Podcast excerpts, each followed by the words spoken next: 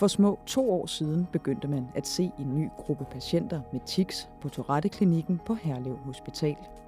Deres symptomer lignede ikke klassiske tics, og modsat patienter med Tourette var debuten ofte pludselig og trigget af konkrete episoder. Der er mange, der har oplevet, at, at de kan huske den situation, de var i, da det startede. Det kunne for eksempel være konflikt med en kæreste, eller øh, skulle til eksamen. Og nogen oplever, at, øh, at det går med sådan nogle anfald. Og det igen er også en forskel mellem klassiske tics og, og de her funktionelle tics. Du lytter til Ugeskriftets videnskabspodcast. Velkommen til. Mit navn er Mie Brandstrup.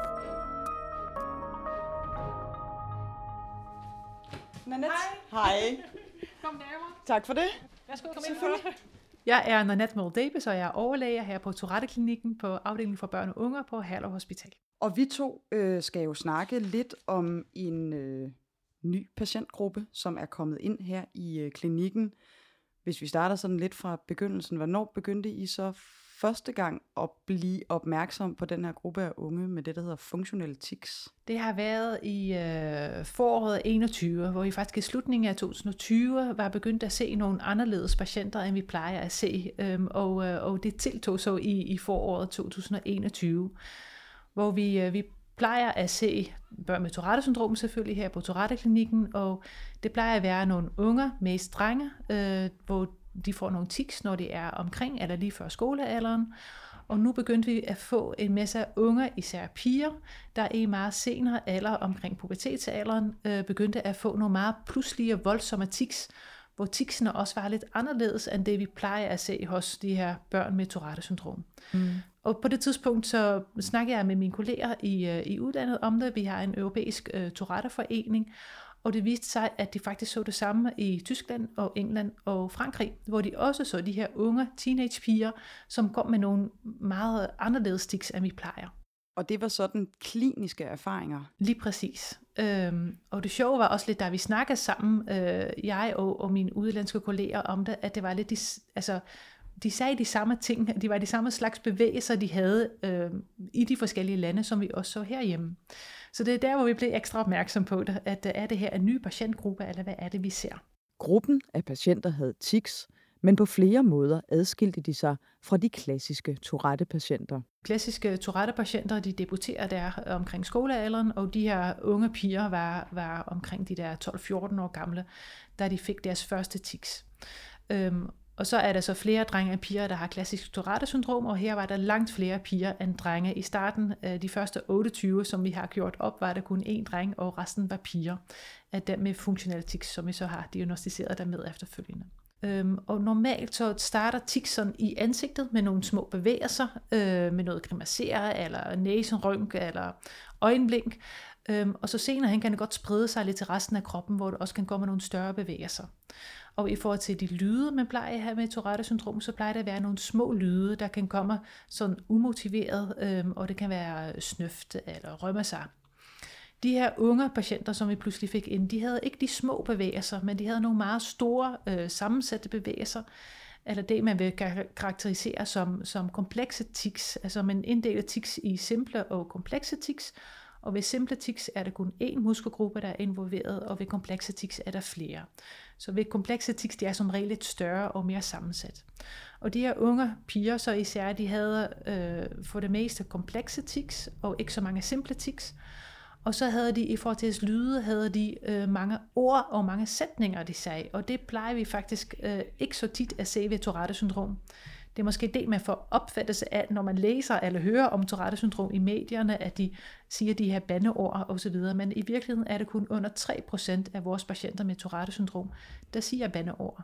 Så det er ret sjældent. Det må man sige. Og, og de her unge piger havde det stort set alle sammen så havde de også nogle, nogle øh, bevægelser, hvor de gjorde skade på sig selv eller på andre, øhm, og de lavede, mange af dem lavede de samme slags lyde og bevægelser, en meget karakteristisk fløjtelyd, som vi kunne høre på gangene, hvor vi tænkte, hov, der kommer endnu en, øh, det er da sjovt, at den der fløjtelyd går, går igennem.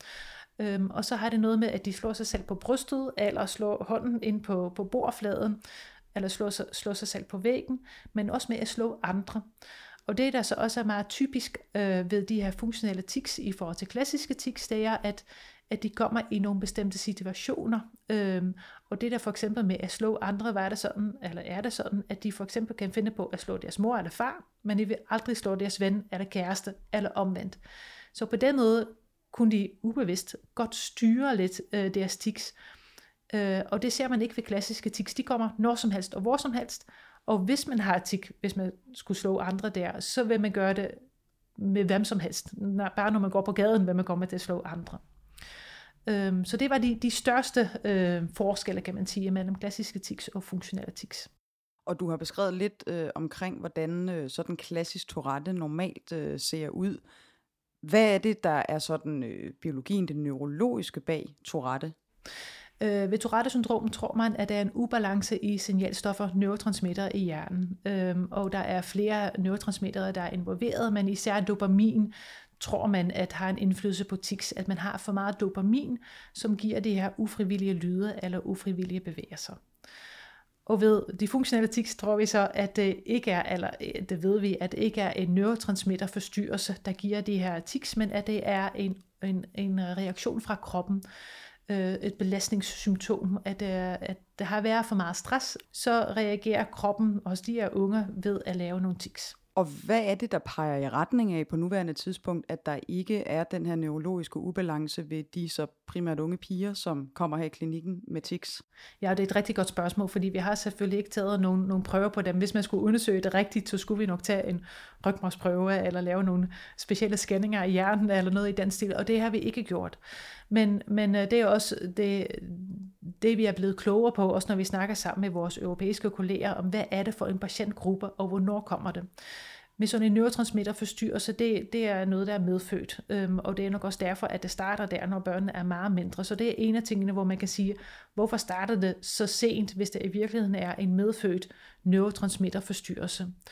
Og så har vi jo fundet ud af, at, øh, at alle de her unge mennesker, de er meget belastede. De har masser af triggerfaktorer og nogle belastninger med i deres liv, øhm, som øhm, vi jo tror har givet dem de her, de her tics.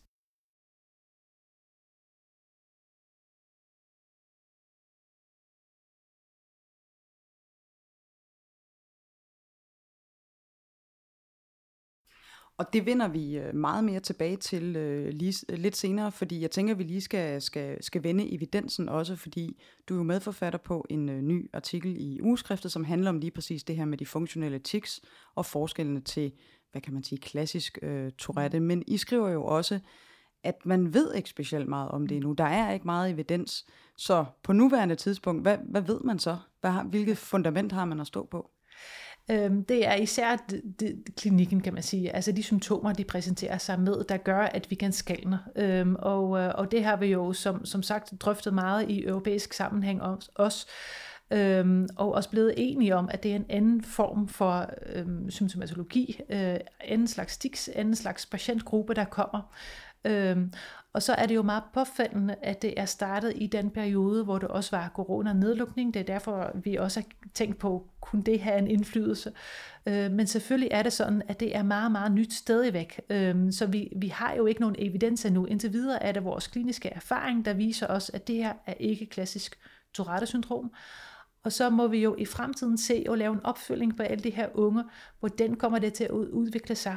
Men det er også meget interessant at, at få lidt mere klarlagt, hvad er det for en patientgruppe, hvad har de i forvejen af belastninger, symptomer, familiær disposition, og hvordan kommer det til at gå dem øh, prognosemæssigt? Kommer de til at, at komme helt af med det, eller kommer de til at have tilbagevendende episoder med de her funktionelle tics?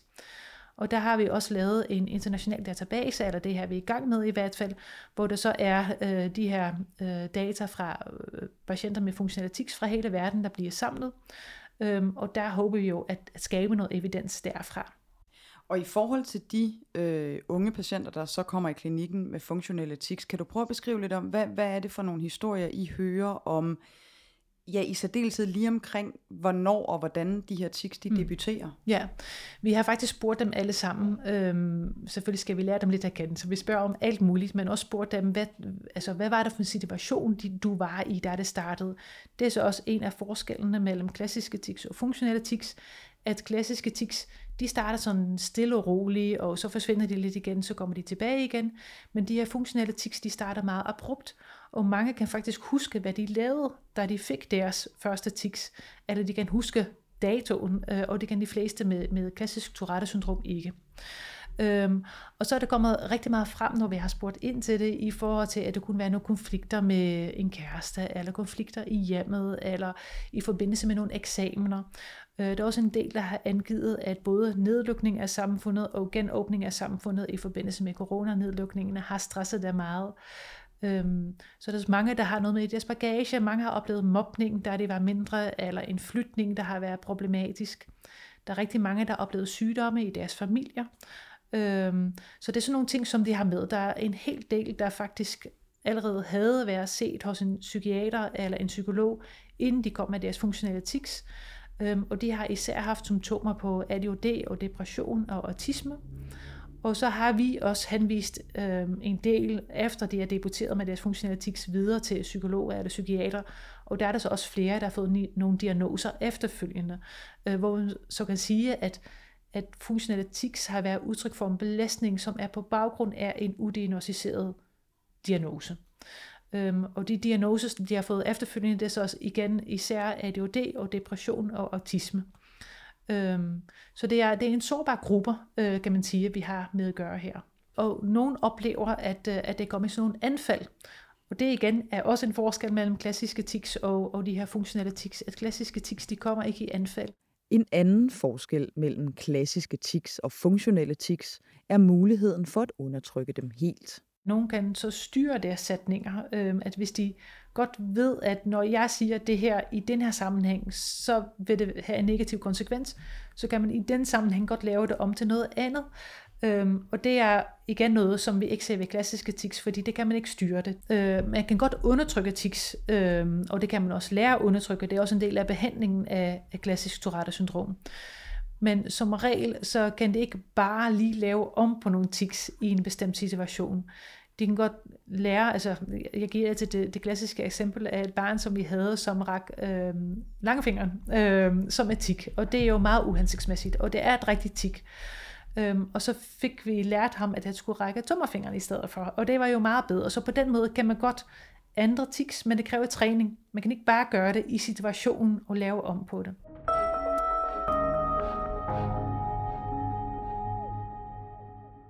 Som Nanette Mold Debes nævner, så mistænker man de mange belastninger under coronapandemien med nedlukning, afstand, social isolation og genåbning som mulige faktorer. Men der er også en anden komponent i den nye gruppe af patienter med funktionelle tics, og det er sociale medier. En tese, der første gang begyndte at dukke op i internationale forskningskredse i 2019. Jeg fik snakket med vores tyske kollega, øh, som hedder Kirsten møller wahl som også har skrevet nogle artikler om det her. Der var faktisk en af hendes medicinstuderende, der havde kunnet se en, øh, en samme sammenhæng, eller hun kunne se, at mange af deres patienter havde de samme tics, som en øh, kendt YouTuber i Tyskland også havde. Ja, herzlich willkommen zu einem neuen Video. Es wurde ja langsam auch mal wieder Zeit. Pommes! Heute machen wir einen kleinen Ausflug, gemeinsam mit dem Tourette-Syndrom natürlich. Und zwar in den Kölner Zoo. Äh, wir ficken Elefanten. Tourette! Äh. Det var YouTube-kanalen Gewitter im Kopf, som de tyske kollegaer var blevet opmærksomme på. Og det var der, hvor, hvor vi egentlig gik op for os alle sammen, tror jeg, efter hun delte med os andre, at, øh, at, at det var sådan, at mange af de unge faktisk kopierede ubevidst øh, nogle af de der sætninger eller bevægelser, som, som influencerne havde. Efter vi blev opmærksom på det, er vi jo begyndt at spørge ind til, følger du nogen på de sociale medier, og hvem er det? Og, og så kan vi godt se, at nogle af dem siger de samme slags sætninger, nogle af dem siger også nogle ting på engelsk, for eksempel, som Tourette-børn faktisk ikke plejer at gøre. De plejer ikke at sige nogle engelske ord, så det er nogle ting, de har hørt et andet sted fra. Øhm, og så kan vi også se, for eksempel den der fløjtelyd er, er en lyd, som, som en af de engelske øh, TikTokere har. Så det er der, vi bliver opmærksom på det. Alright, so I'm going to give you lovely lot the wonderful opportunity to get to know me a bit better. Let's go. De store Tourette-influencer på det sociale medie TikTok har til sammen milliarder af visninger på deres videoer. Her er det This Trippy Hippie, der har 15 millioner følgere og en halv milliard likes på sine videoer. If you could change anything about yourself, what would it be? Um, I guess I wish that I had a bit more confidence in myself. That like I liked myself a bit more, maybe. Cunt chicken. Cunt. Og en stor del af de unge, der kommer i klinikken på Herlev Hospital, har set eller fulgt Tourette-videoer på sociale medier. Mange af de her unge, de har kendt nogen, eller rigtig mange af dem har fulgt nogen på de sociale medier, som også har haft tics, øh, eller vise deres tics på de sociale medier. Og der har vi oplevet nogle gange, at, at det faktisk også bliver brugt på en positiv måde, fordi mange af de her øh, influencer, de prøver at skabe et positivt miljø omkring det, øh, og, øh, og prøver at leve et så godt liv som muligt, selvom de har deres tics. Og det er det, som mange har taget til sig. Øhm, og for nogen har det faktisk skabt noget positivt, at de får nogle positiv opmærksomhed. Og så kan man grine lidt sammen med sine forældre eller sammen med sine venner om de sjove ting, man kommer til at sige, som de ikke selv kan styre. Øhm, når vi så har snakket med dem om, når de så kommer herinde, at det er en, en belastningsreaktion, at det faktisk ikke er Tourette, men, men, men deres krop er simpelthen blevet overbelastet, så er der nogle af dem, der faktisk har haft lidt svært ved at acceptere det, at de ikke er den person, de troede, altså, eller havde den sygdom, de troede, de havde. Også fordi det netop kunne skabe noget positivt for dem i den sociale sammenhæng. Men når vi så fortæller dem, hvorfor det er, at, øh, altså, hvad, hvad baggrunden for deres stiks er, og fortæller sammenligningen med klassiske Tourette, øh, så kan de godt se det selv også. Og så bliver de jo til sidst glade, fordi de skal jo have hjælp til deres belastninger. Øhm, og hvis de tror, at de har Tourette-syndrom, og ikke er opmærksom på, hvorfor de egentlig har deres funktionelle tics, og derfor ikke får hjælp til det, der i virkeligheden presser dem, så, så er det jo langt sværere for dem, må man sige. Og i forhold til de her øh, TIC-influencer, det er jo noget, som har fået ret stor sådan mediebevågenhed, og, og vinklingen er jo meget sådan på, jeg vil ikke sige det forarvende, men i hvert fald det, det meget specielle i, øh, at det er på sociale medier, at nogle af de unge har set det her, og det er jo overskrifter som øh, unge får Tourette af at være på TikTok, og sådan nogle ting, som er, som er meget sådan kulørt i, i, i overskriftform. Hvad, hvad tænker du som fagperson om, om øh, ja, he, hele den her situation? Mm. Det er, det er, der er faktisk to ting i det, som jeg tænker, øh, hvis jeg husker det, at jeg vil fremhæve. Øh, for det første vil jeg sige, at øh, det er jo ikke noget, de gør bevidst. Øh, det er jo en reaktion fra deres krop. Øh, så vi ser det som om, at deres hjerne er meget sårbare, og de der sårbare hjerne, de kommer til at kopiere nogle ting, de ser. Øhm, så det synes jeg er meget vigtigt, og når vi snakker med de unge om det, kan de faktisk godt selv, øhm, lægge har de også selv lagt mærke til det, at når de har været sammen med nogen, der har tics, eller når de ser de sociale medier, at det kommer til at overtage de tics, de ser. Øh, men det er meget vigtigt, synes jeg, at huske, at det er ikke noget, man gør bevidst. Øhm, og, øh, og det prøver jeg også virkelig at sige til dem. De er jo ikke skøre, de er bare sårbare, øhm, og derfor kommer de til at gøre det. En anden øh, ting, som, som jeg synes er meget vigtig, det er, at det, det fokus, der er på de sociale medier omkring Tourette, det er faktisk forkert, fordi der er mange, der står frem, som om de har Tourette-syndrom. Og vi kender de fleste influencer jo ikke. Vi ved ikke, om de har en Tourette-syndrom-diagnose, men det vi kan se, og når jeg siger vi, så er det også Tourette-eksperter, der har set tusindvis af Tourette-patienter. Vi kan se, at det ikke er nogen klassiske Tourette-tics, øh, der bliver fremvist på de sociale medier. Og det er jo et kæmpe problem øh, for det første, at der bliver skabt et forkert billede af en sygdom, øh, som giver rigtig mange bekymringer hos nogle forældre til børn med Tourette-syndrom. Fordi hvis de ser nogen i de sociale medier eller i medierne generelt med nogle tics, hvor vi tænker, at det er klassiske tics, så kan de her forældre godt blive bekymret for, om deres barn kommer til at udvikle sig på den måde også. Øh, men det er også et kæmpe problem, hvis der er en gruppe sårbare unge, der faktisk kommer til at kopiere noget og tror, de får en sygdom, som de rent faktisk ikke har. Der er jo selvfølgelig også et element af, at man skal passe på ikke at stigmatisere dem, og det ikke skal lyde som om, at nu er de bare hoppet med på en eller anden mm. dille, mm. og det i virkeligheden ikke er så slemt, og, og, og så videre. Hvordan forsøger I at måske tage hul på den snak med de unge, men selvfølgelig stadigvæk tage deres symptomer og de bagvedliggende årsager seriøst? Ja. Vi prøver, vi prøver bare at forklare dem, øh, hvad det er, vi tror, der sker i deres krop, kan man sige. Og vi forklarer dem, at, øh, at vi forklarer dem, hvorfor det ikke er klassisk Tourette-syndrom, og forklarer forskellene mellem klassiske tics og funktionelle tics, og at det derfor ikke er en neurotransmitterforstyrrelse, de har, men at deres krop så reagerer på nogle belastninger, og så plejer jeg også altid at sige, ligesom man kan få hovedpine, eller ondt i maven, eller få nogle opgæsninger, når man er nervøs eller presset, og det ved alle, det har alle oplevet på et eller andet tidspunkt. Så det kan de som regel godt forholde sig til. Og når vi så snakker om, hvad det så er, der kunne være af nogle belastninger, så kommer det også altid frem, hvad det er, der presser de her unge mennesker, og så giver det pludselig rigtig god mening. Øhm, så det er bare informationen i virkeligheden, vi giver dem. Mange af dem har været øh, hos en psykolog eller psykiater før, så de har, øh, mange af dem har haft nogle symptomer eller nogle diagnoser på depression eller angst eller øh, autisme. Øhm, når vi så spørger ind til, hvad det er, de har med i deres bagage, så har mange oplevet mobning, eller skift af skole, eller nogle familiekonflikter, også nogle, der har oplevet dødsfald i familie, som selvfølgelig er meget belastende. Øhm, og så er der at de der øh, sådan nogle faktorer, der kan trigge på tidspunktet, og der har der været nævnt øh, genåbning af samfundet efter lockdown eller selve lockdown. Det kan også være nogle aktuelle konflikter med en kæreste eller familiemedlemmer eller nogle eksamener, der skulle til. Det er sådan nogle ting, der så har trigget det.